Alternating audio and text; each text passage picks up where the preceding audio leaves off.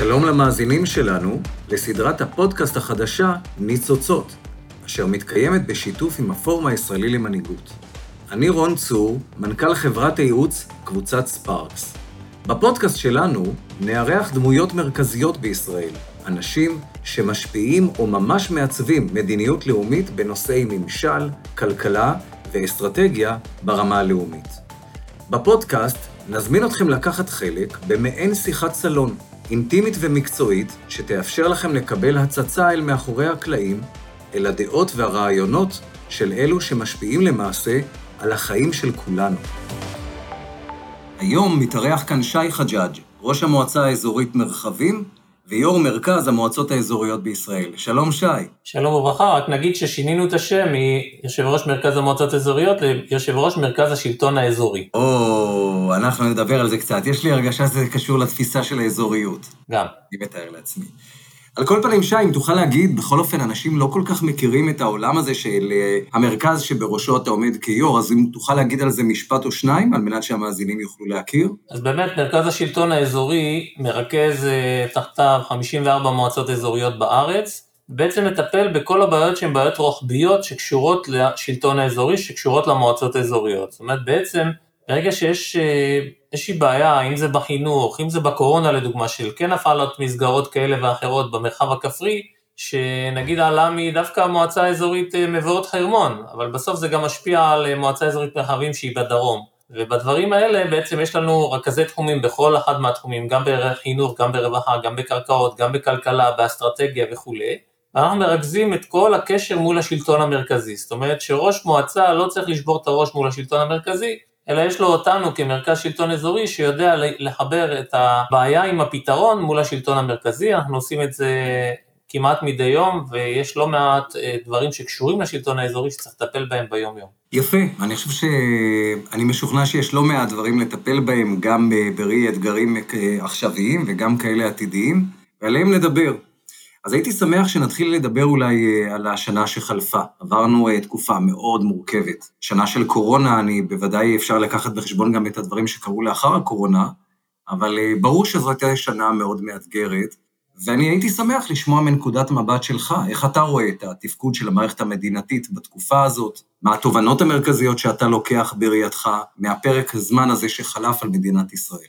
אני חושב שהטיפול בקורונה, מה שנקרא, היה רק דוגמה למה שהשלטון המקומי יודע לעשות קצת יותר טוב מהשלטון המרכזי. בעצם ברגע שהעבירו לנו את הסמכויות, גם בטיפול באוכלוסייה וגם בנושא של הבדיקות, אה, מהר מאוד הצלחנו להוריד את אחוזי התחלואה, גם במקומות שהיו מקומות מאוד מאוד קשים. אני אתן לכם דוגמה, אצלי במועצה יש יישוב שהוא יישוב חרדי, שהייתה בו תחלואה מאוד מאוד גדולה, אבל ברגע שנתנו לנו את הסמכות להיכנס ליישוב, לדבר עם מי שצריך לדבר, זאת אומרת עם המנהיגים של היישוב, שאנחנו מכירים אותם הרבה יותר טוב מכל מי שיושב בירושלים, זאת אומרת אנחנו יודעים עם מי צריך לדבר, על מי להשפיע ואיך להביא אותם לידי מצב שבו בעצם אנחנו מצליחים לטפל באוכלוסייה בצורה הטובה ביותר, גם אם זה בנושא של חלוקת מזון, אבל גם בכלל בהדרכה ובחינוך של האוכלוסייה, ולהביא אותם לידי מצב שאנחנו יורדים באחוזים מאוד מאוד גבוהים אה, לרמת אה, תחלואה נמוכה מאוד.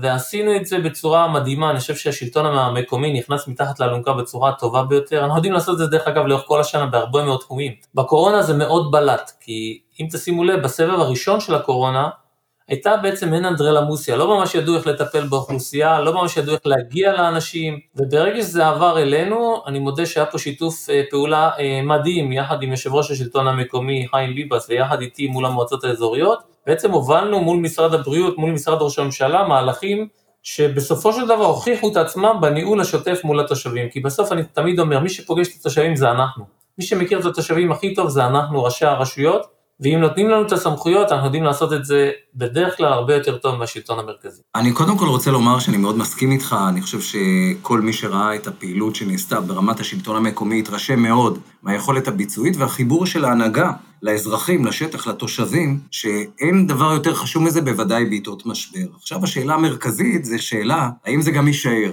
או שהמערכת תחזור לנקודת האיזון הקבועה שלה, שזה מערכת של שלטון מרכזי מאוד מאוד ריכוזית. מה אתה חושב? אה, אני דווקא מצפה לפחות אה, מהשלטון המרכזי אה, להבין כתוצאה ממה שקרה בשנת הקורונה, שכדאי להם מאוד לבזר את הסמכויות ולתת יותר סמכויות לשלטון האזורי, אני לא אומר בלי רגולציה, אני לא אומר בלי בחינת הדברים, כל מה שצריך מבחינה חוקית צריך לבצע, כדי גם לא לאפשר פריצות חלילה או משהו שיוביל למקום לא טוב, אבל כן לאפשר לרשויות לנהל את הקשר עם התושב בצורה הרבה יותר חופשית, לקבל הרבה יותר סמכויות, ואנחנו יודעים לקבל את הסמכויות, לקחת גם את האחריות לצד הסמכויות, כי מה שקורה בפועל זה בדרך כלל שנותנים לנו את האחריות, אבל לא נותנים לנו את הסמכות, שזה משהו, מה שנקרא, שפוגע בנו פעמיים. אבל ברגע שייתנו לנו את הסמכות, אנחנו גם ניקח את האחריות, בסופו של דבר אני חושב שהשירות לתושב יהיה הרבה יותר טוב מכל הבחינות, אה, וזה גם הוכח בלא מעט מקרים ש, שבהם אנחנו נתנו את דוגמת הקורונה, זו דוגמה מה שנקרא קלאסית של באמת מצב שהוא קטסטרופה אה, ארצית, בסופו של דבר כל ראש העיר לקח את האחריות לידיים שלו, והיה לו אינטרס גם דרך אגב, ברמה האישית, להביא את היישוב שלו להיות יישוב ירוק, כי אז הוא יכול להפעיל מערכות חינוך, הוא יכול להפעיל את המסחר, את התעשייה, ואז בעצם יש לו גם הכנסות, גם ארנונה וגם וכולי וכולי וכולי, בעצם להחזיר את התושבים למצב נורמלי. אני מודה שהייתה פה גם קנאת סופרים, זאת אומרת, אם יש לנו עיר לידינו שהייתה ירוקה, תחרותיות. אז יש פה תחרות, אז מה, מה, מה לא טוב בתפקוד שלך? בוא נעשה מהר פעולות כדי להפוך אותנו לירוקים. וזו תחרות שהיא דווקא תחרות בונה, ולא התביישנו לשאול שאלות אה, ראשי רשויות לידינו ולהתייעץ ולקבל אה, איזה, מה שנקרא, עצה טובה, ובסוף זה גם הוכיח את עצמו, ואני שמח על כך. אז אם אני אשאל אותך באופן קונקרטי, מחר בבוקר שרת הפנים או שר הפנים החדש, שנכנס לתפקידו, מה היית אומר שלושת הדברים הראשונים שהיית רוצה לקבל לאחריותכם, לרמת השלטון המקומי? למשל, לא יכול להיות שכמעט כל, אה, אפילו תבר שאני צריך לאשר, תבר זה תקציב בלתי רגיל, אוקיי? אני צריך להעביר ניירת למשרד הפנים, שיאשר אותה, תקציבי פיתוח כאלה ואחרים, אני צריך אישורים של משרד הפנים כדי לבצע פעולות אצלי ברשות. אני חושב שזה מיותר, זה מסרבל, זה גם הולך דרך המחוז, מהמחוז נוסע לירושלים, בינתיים אנחנו מבזבזים זמן מאוד מאוד יקר. מי שמכיר אותי, אני הגעתי מהתחום העסקי דווקא, לא מהפוליטיקה, ואני חושב שבגלל זה הקצב אצלנו במועצה הוא קצת יותר מהיר, אבל הוא לא מספיק מהיר. מה שאני הייתי עושה במגזר העסקי הוא הרבה הרבה יותר מהיר, הרבה יותר נכון, ואת זה צריך להעביר לרשויות. זאת אומרת, ביכולת של ראש הרשות לקבל החלטה עם מליאת המועצה שלו, לקבל החלטה על תקציבי פיתוח, או על טברים כאלה ואחרים, להוביל אותם באופן מיידי לביצוע, זה היה חוסך לנו המון המון זמן. דבר נוסף שמאוד מאוד מפריע לנו ומשפיע עלינו ממש ברמה יומיומית, זה כל מה שקשור למינהל התכנון. מינהל התכנון כמעט, לא נעים להגיד, אבל הוא תוקע כמעט כל תוכנית שראש רשות מגיש. כמעט כל תוכנית, קודם כל עוברים מדורי גיהנום. ובסוף בסוף אנחנו רוצים לפתח את האזור שלנו. זה לא שאני קם בבוקר ואומר יאללה נעשה פה איזה אזור תעשייה כי כיף לי, כי אני יאללה בא לי עליו, לא, ממש לא. אנחנו רוצים שהרשויות שלנו יהיו חזקות, איתנות כלכלית, זה יכול להיות רק מאזורי תעשייה או אזורי מסחר, לא ממגורים, ואנחנו מצפים מהפקידות הבכירה לעזור לנו לקדם את זה ולא להקשות עלינו, ואנחנו בתחושה שלנו אה, שמים לנו מקלות בגלגלים. אז גם הנושא של התכנון צריך יותר ויותר סמכויות לוועדות המקומיות, פחות לוועדות המחוזיות והוועדות הארציות, אין שום סיבה שזה יהיה בצורה הזו. אני אתן לך דוגמה של הקמת יישוב חדש אצלי במועצה. התקבלה החלטת ממשלה על הקמת יישוב דניאל, צמוד לנגב, שזה הכפר השיקומי של האלוף דורון אלמוג, מי שמכיר, זו זכות גדולה שזה אצלנו, מטפלים באוכלוסייה הכי קשה במדינת ישראל. אין ספק. אני מראש אומר למאזינים, שמי שלא היה שם בביקור, אני ממש ממליץ להגיע לשם לראות את המקום. דרך אגב, מוזמנים, ולא רק זה, מי שנכנס לשם לא יוצא בצורה, באותה צורה, הוא יוצא אדם שונה. אז אני אתן דוגמה נוספת, הקמת יישוב חדש, יישוב דניאל, שהוא צמוד לעדי נגב, מה שהיה פעם עלי נגב, התקבלה החלטת ממשלה, ושנה וחצי אנשי, מנהל התכנון לא דן אפילו בהחלטה. פשוט לא דן, עד שלא הצלחתי להביא את זה לוועדת הפנים של הכנסת, שאילצה את אנשי התכנון לדון בהחלטת הממשלה. למה? בגלל בירוקרטיה, סדר עדיפות? למה? יש להם אג'נדה שהיא שונה מהאג'נדה הממשלתית. הם בסוף שכחו שהם פקידי ממשלה שצריכים לבצע את מדיניות הממשלה, ולא לבוא עם אג'נדה אה, עצמאית. והתאים להם לא לדון בעניין הזה, ולא קיבלו החלטה. זאת אומרת, אתה ראית בראייתך בעצם סוג של מדיניות שסותרת את מדיניות הממשלה בדבר הקמת היישוב? גם עכשיו, באותה החלטה שהתקבלה לגבי הקמת יישוב דניאל, התקבלה החלטה להקמת חמישה יישובים כאלה ברחבי הנגב, ואף אחד מהם לא קודם, למעט דניאל, שאם לא הלחץ שלי באופן אישי, מול ועדת הפנים של הכנסת וזימון אנשי התכנון, וש... דרך אגב, הם יכלו לדון ולהגיד, שמע, זה לא כלכלי להקים יישוב חדש, וזה היה צריך לחזור לממשלה להחלטה שנייה, והממשלה הייתה מחליטה אם להקים או לא, כי גם את באר שבע זה היה לא כלכלי להקים, וגם את המוביל הארצי לא היה כלכלי להקים. בסוף אנחנו מקימים פה מדינה. לא הכל נמדד בכסף. דרך אגב, במקרה של דניאל הוכחתי גם שזה צמוד דופן, זה לא עולה יותר יקר מהרחבה ביישוב אחר, כך שזה בכלל כדאי גם כלכלית. אבל uh, הנה לך דוגמה של עיכובים שמיותרים, אני כבר הייתי צריך לעלות על השטח ביישוב הזה כבר עם הטרקטורים ולשווק. בזכות או בגלל העיכוב של uh, אנשי התכנון, אנחנו uh, עוד לא עלינו לשטח, וזה ברמה האישית מאוד כואב לי, כי אני פה באתי כדי לפתח את הנגב, אמרתי, עזבתי עסק מאוד מצליח, כי חשבתי שהעבודה הציבורית יש בה משהו נוסף, ובאמת יש בה משהו נוסף, אתה יכול להשפיע על דורות שלמים, גם בחינוך, גם בפיתוח, אבל כן הייתי מצפה וזה אפרופו הביזור סמכויות, להעביר לנו, לאפשר לנו יותר ויותר בתחום התכנון, כי כל דבר במדינת ישראל לוקח כל כך הרבה שנים, שזה לפעמים אפילו מייאש. להקים אזור תעשייה לוקח חמש ושבע שנים אם אתה אלוף, למה זה צריך לקחת כל כך הרבה זמן?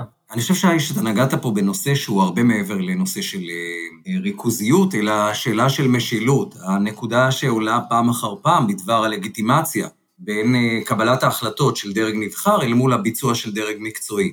והנה אני רוצה להגיד בצורה ברורה, דעתי חד וחלק, שדרג מקצועי נדרש להביע את דעתו, להיות חלק מתהליכי קבלת ההחלטות, להציג באופן מסודר את, את השיקול או את הדברים שלהבנתו צריך לקחת בחשבון, אבל פעם אחת התקבלה החלטה, אה, ללכת ולבצע. תאר לך איך זה היה קורה ברשות שלי, אם אני הייתי מקבל החלטה כ... כדרג מחליט והמנכ"לית שלי הייתה פועלת נגד ההחלטה שלי. הרי דקה היא לא הייתה נשארת בעבודה. היא יכולה להביע את דעתה, היא יכולה לתת את הצד המקצועי, זה בסדר גמור, אבל אם בסוף מתקבלת החלטה, צריך לממש את ההחלטה.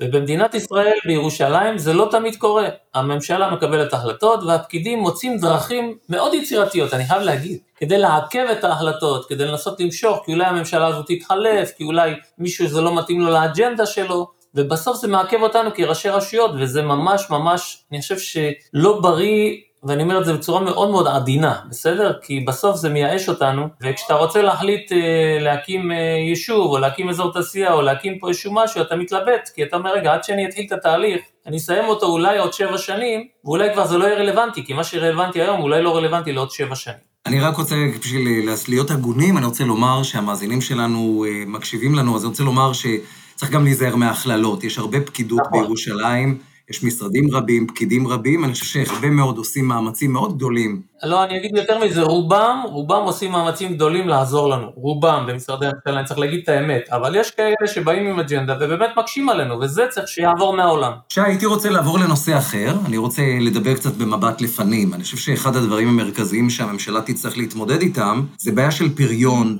בעיה של יוקר מחיה, ואם אנחנו ניקח את הנושא שנוגע לעולם שאני חושב שאתה לוקח בו חלק או מייצג את חלקו, אה, זה עולם החקלאות. חלק מהסיפור של יוקר מחיה זה נושא של החקלאות.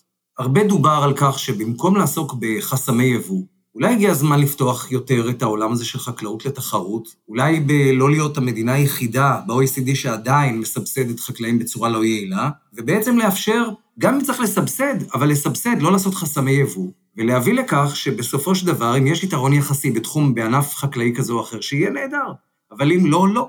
אז רציתי לשמוע את דעתך בנושא הזה. אני שמח שהעלית את השאלה הזו אה, בתור אחד שמייצג חקלאים ומייצג את כל השלטון הכפרי במדינת ישראל. ראינו את זה גם בתקופת הקורונה, כמה הסיפור של ביטחון המזון הוא חשוב, וחשוב שנייצר לבד. קח את אה, שומרי החומות שלפני שבועיים היה, זה נראה לנו כאילו היה לפני שנתיים. כשהנמל התעופה היה סגור והנמלים שלנו היו סגורים, אם לא היינו דואגים לאספקת תוצרת חקלאית טרייה, אני מדבר, כן? כל השאר אין בעיה לעשות יבוא. בתוצרת חקלאית טרייה אסור לנו להסתמך על יבוא, נקודה. שימו לב מה קורה סביבנו, באיזה אזור אנחנו חיים. אנחנו לא, עדיין לא חיים באיזה עולם אוטופי שאנחנו בטוחים שכל הזמן תהיה לנו אספקת מזון.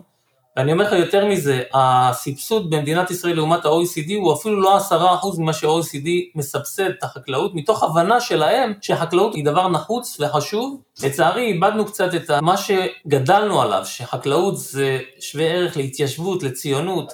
אני יכול להגיד לך שאני מגדל על הגדר של עזה.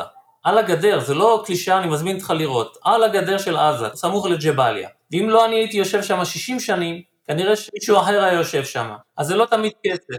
הבעיה המרכזית של יוקר המחיה זה לא החקלאים, זה רשתות השיווק, זה פערי התיווך. ולצערי אף אחד במדינת ישראל לא מעז לנגוע בהם, ואני לא יודע למה דרך אגב. אני הייתי מוכן לייצר עגבניות בשלושה שקלים לקילו כל השנה. תאפשרו לי את זה. בוא, אני לא רוצה 15 שקל ולא רוצה 10 אה, שקלים לקילו. אני רוצה 3 שקלים לקילו, כי עולה לייצר עגבניה במדינת ישראל 2.5 שקלים, ודרך אגב, יש רגולציה אדירה על הפירות והירקות שאנחנו אוכלים, אנחנו מנועים מלרסס בכל מיני ריסוסים שבחוץ לארץ מרססים. כשאתה קונה עגבניה מטורקיה, אין לך מושג מה אתה אוכל. באיזה ריסוס ריססו, באיזה מים השקו, ואיך טיפלו באותה עגבנייה. כשאתה אוכל עגבנייה ישראלית, אתה אוכל עגבנייה מצוינת, כי יש בה הקפדה יתרה. אז אני אומר, א', תאפשרו סימון תוצרת חקלאית, שאותו תושב, אזרח, יחליט מה הוא רוצה לקנות. יפעיל שיקול דעת, אתה אומר. יפעיל מה הוא רוצה, אם זה עולה שקל נוסף, לדעתי הרבה אנשים יעדיפו.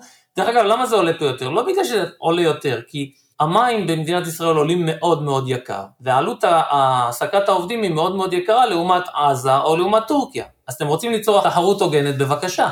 אני לא רואה את עצמנו בלי חקלאות בנגב. בוא, 70% מייצור עגבנייה במדינת ישראל בא מעוטף עזה, אתם רוצים לסגור את עוטף עזה? תגידו את זה, זה מדיניות. אני רוצה להגיד כמה מילים על הדבר הזה. קודם כל, אני חושב שהנושא הזה, וחשוב לומר, אני גם מביע פה דעה. החקלאות, בעניין של הערך שלה, על המשמעות על תפיסת שטח, על ההגשמה של החזון הציוני, אין שאלה, יש לזה משמעות חד וחלק. אבל א', זה לא נוגע לכל סוג חקלאות. נניח רפתות, לולים, זה לא תפיסת שטח. אז קודם כל, כשאומרים חקלאות, יש פה הרבה דברים. ודבר שני, רציתי לומר גם לגבי הסבסוד, אני לא חושב שהביקורת היא בדבר האם צריך לסבסד ולעזור, בעניין של סוג של להשוות את תנאי התחרות. הטענה היא בדבר הנושא של השיטה, שהשיטה היא דרך חסמי יבוא.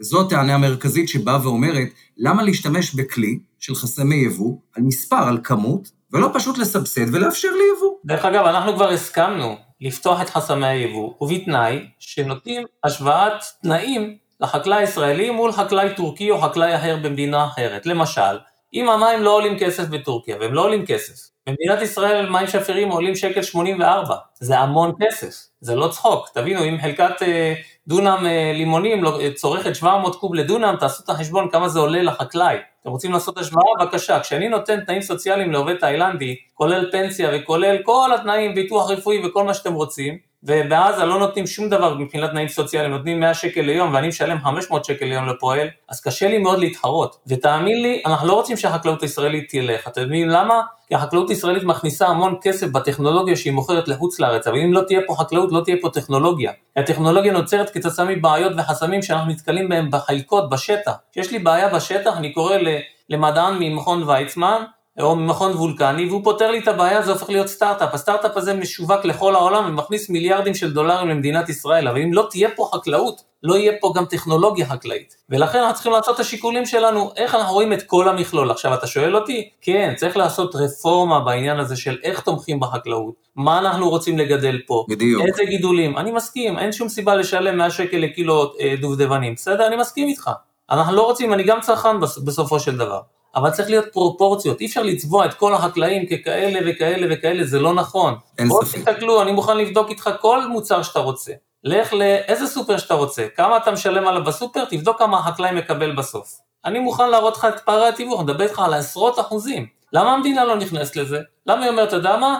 מחיר תקליט תקליט, הסופר יכול למכור בעוד עשרה אחוז תוספת, עוד עשרים אחוז, בסדר? יש לו הוצאות, לא יודע מה, סידור מדפים, כל מיני קשקושים. אבל למה לא להגביל את זה? הם לא עושים את זה כי קשה להם להיכנס במונופולים האלה, להתחרות בהם.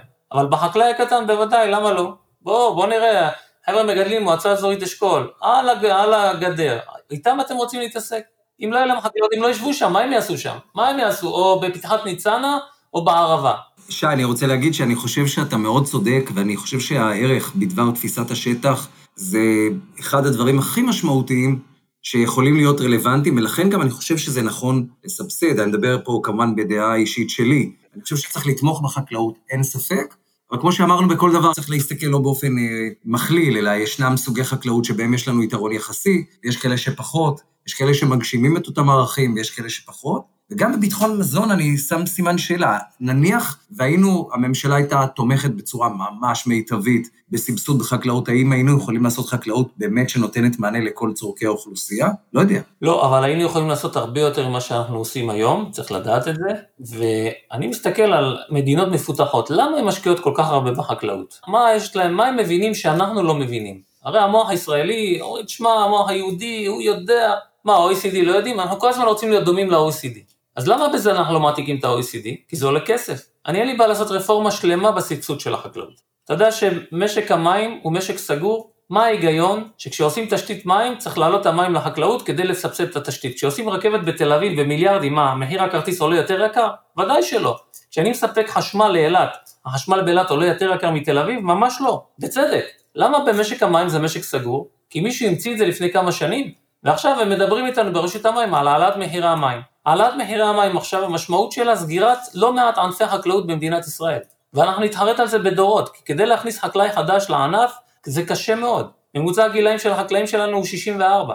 שתבין על מה אנחנו מדברים, אם לא נאפשר לדור הצעיר להיכנס לחקלאות כי יראה בזה אופק, הרי כדי להכניס חקלאי חדש הוא צריך להשקיע מאות אלפים במשק כדי להתחיל לפתח אותו. אם הוא לא רואה אופק לכמה שנים קדימה, הוא לא יעשה את זה לעולם.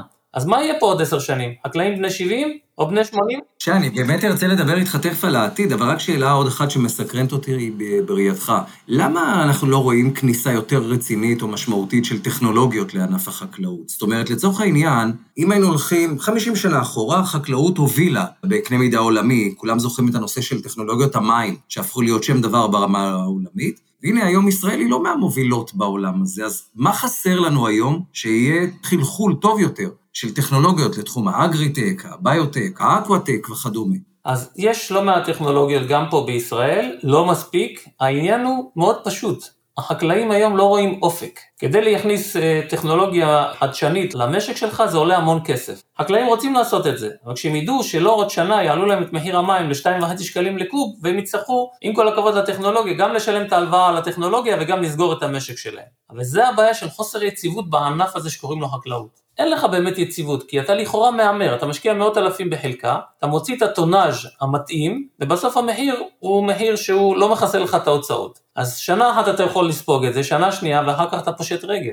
לכן לא נותנים איזה מחיר מינימום. אם היה איזה מחיר מינימום שהוא רק העלות, בסדר? לא, בלי רווח. גם זה היה נותן אופק לחקלאים. כי מדי פעם היו תופסים איזה פיק, היו יכולים לחיות מזה. אבל אין אופק בחקלאות ולכן לא נכנסים חקלאים חדשים ולכן לא נכנסת טכנולוגיה חדשה וזה פספוס של כולנו, כי בסוף מהטכנולוגיה הזו אנחנו גם מוכרים לחו"ל את הטכנולוגיה, מייצאים אותה לחו"ל שמשלמים על זה מיליארדי דולרים שמהווים אה, הכנסה אדירה למדינת ישראל, ואני אומר לך שזה תהיה בכייה לדורות אם לא תהיה פה חקלאות, חקלאות טובה ומתקדמת, ואנחנו יכולים לעשות, זה, זה אצלנו, זה החלטה שלנו. אנחנו בכנסת הזו בעזרת השם נעביר את חוק החקלאות, פעם אחת מדינת ישראל תגיד מה היא רוצה בחקלאות, מה היא מתכוונת לעשות עם החקלאות. אופק תפקודי לענף. רוצה חקלאות? לא רוצה חקלאות. שיגידו, שחברי הכנסת הנכבדים, ולא משנה מאיזה מפלגה דרך אגב, שיגידו מה הם רוצים בנושא החקלאות. אולי מהחוק הזה נוכל לגזור תקנות שייתנו אופק לחקלאים שלנו. אני מאוד מקווה שזה יעבור. אני מאוד מתחבר לזה, אני בכלל אה, כתבתי יחד עם אה, חבר, עם שותף, אה, פרופסור ניסים כהן מאוניברסיטת חיפה, מאמר שמדבר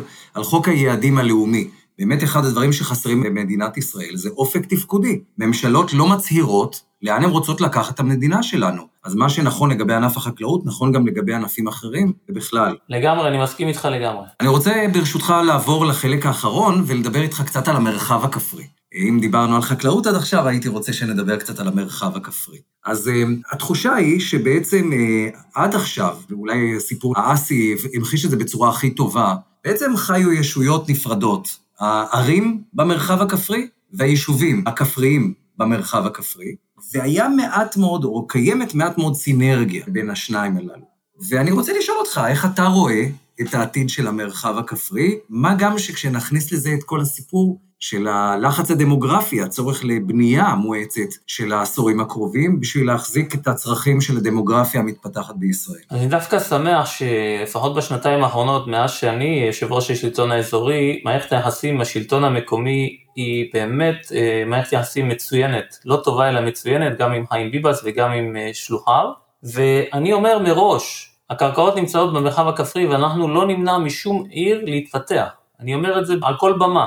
אף ראש מועצה לא יחזיק עיר מלהתפתח. מה שכן, אנחנו מצפים שיהיה ניצול נכון של הקרקעות ושזה יהיה בהידברות. מה זאת אומרת? אם עיר יכולה לעשות התחדשות עירונית נכונה ולנצל שטחים בתוך העיר, הלאה, תנצלו אותם קודם כל. אנחנו צריכים לשמור קרקעות לדורות הבאים, לא למהר לקחת קרקע חקלאית מניבה. או אם אפשר לזוז 200 מטר מזרחה ולקחת קרקע פחות מניבה בחקלאות, אז תדברו איתנו, ניתן את הקרקע המדוברת.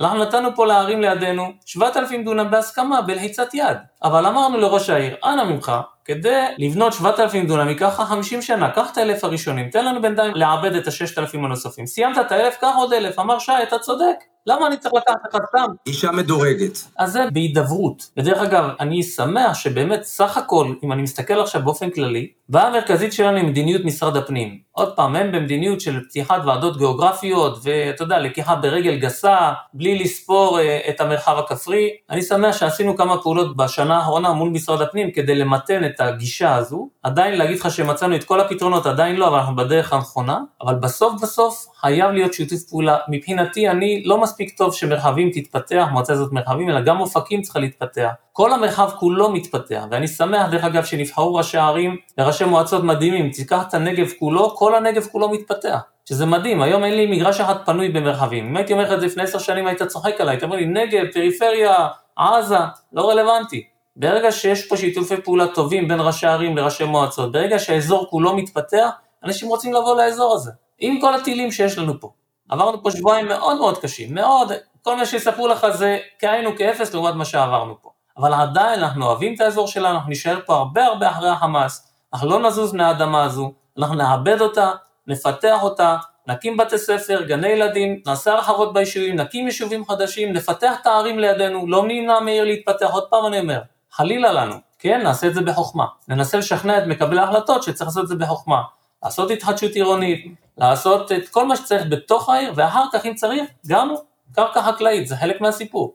אני רוצה לשאול אותך, מעבר רק לשאלת הקרקע, הרי מדברים, אחד הדברים שאני חושב שהוא המשמעותי ביותר על הנושא של תפיסה של פיתוח מרחבי, זה מרקם החיים. זה בעצם זיקה תפקודית ו- וישירה, שהיא בין העיר לבין הכפר, על כל ההיבטים. לאו דווקא רק על הנושא של זה, יש את ההיבטים החברתיים, התעסוקתיים, התחבורתיים וכדומה. אז אם אני אשאל אותך בהקשר הזה, איך אתה רואה את התפיסה הזו, איך אתה רואה את הגישה ש... מובלת מזה מספר שנים על נושא הראייה המרחבית או האזורית. ומה החזון שלך בתחום הזה? אין ספק בכלל שהמרחב הכפרי מזין את הערים לידו, וההפך. בסופו של דבר הבנק שלי נמצא בעיר לידי, והספר שלי בעיר לידי, וקופת החולים היא בעיר לידי. וכשהעיר לידי מתפתחת זה טוב לי, כשהכניסה לעיר היא יותר מטופחת, אני נהנה להיכנס לעיר הזו. ולכן האינטרסים פה הם משותפים וצריכים להיות ברמה של פיתוח אזורי. חייב לדבר ברמה של פיתוח אזורי. אז משרד הפנים הקים את האשכולות האזוריים, שזה דבר מבורך, ונכון עשה משרד הפנים שעושה את זה וולונטרי ולא מחייב, כי אז אף אחד לא היה מצטרף לזה. ואני חושב שככל שנדע להסתכל ברמה אזורית על הדברים ולדבר ביחד ולפתח ביחד את האזור, כולם נהנים מזה, גם הכפרי וגם העירוני. זה לא שאם אופקים תתפתח לבד זה לא טוב לה. אם המושבים שלי מתפתחים לבד גם לא טוב לנו. צריך שכל האזור יתפתח, וזה מה שאנחנו עושים בשנים האחרונות, וזה די מצליח, אני חייב לציין, אם תיקח את אזור הנגב המערבי, כולו מתפתח, למה הוא מתפתח? כי יש פיתוח אזורי, כי אנחנו מדברים ביחד, כי יש לנו עמותת תיירות משותפת, כי אנחנו מפנים אשפה בצורה משותפת, כי אנחנו מדברים חינוך ברמה משותפת, כי אנחנו מקימים מרכז מצוינות לחינוך ברמה משותפת, במקום שכל העיר או כל מועצה תקים לה איזה מרכז מצוינות. זה יתרון לגודל, יש פה איזשהו יתרון לגודל, וככל שנשתף פעולה, כמובן, כך ייטב. אולי שאלה אחרונה עוסקת בנושא של האוכלוסייה הבדואית באזור הדרום. שמאוד הייתי רוצה לשמוע את דעתך.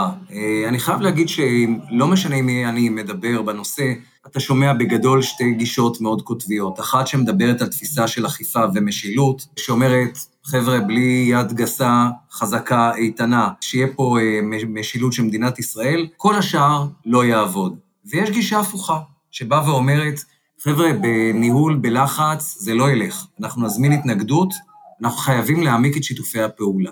מסקרן אותי מאוד לשמוע את עמדתך בנושא. אז אני חושב שצריך פה להיות שילוב של שני הגורמים האלה שדיברת עליהם. מצד אחד, יד קשה בנושא המשילות, כי באמת איבדנו פה חלק מהמשילות בנגב לפחות. מצד שני, כן לאפשר לבדואים להקים יישובים, להתפתח, להראות להם אופק, כי בעצם מי שעושה את הפוגרומים האלה, אני קורא לזה, זה אנשים שאין להם אופק, אין להם עתיד, אין להם מה להפסיד. אנחנו לא רוצים, אנחנו רוצים שהבדואים יהיו מועסקים. רוצים שיהיה להם תשתיות, גם חינוכיות, גם מים וביוב, גם כבישים, צריך לתת להם את כל מה שאזרח מדינת ישראל מקבל.